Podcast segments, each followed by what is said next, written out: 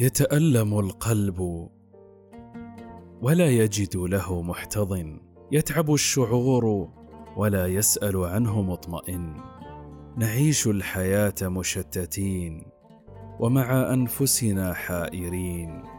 مع أقرب الناس للإحساس خائفين وبسبب الأقدار والأخطار تائهين. بين هموم ويأس وأفكار تملأ الرأس.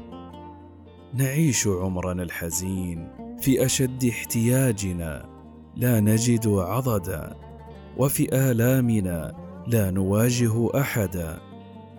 تجتاحنا الدموع بمذلة وخضوع تخنقنا العبرات ولكننا نفضل السكات.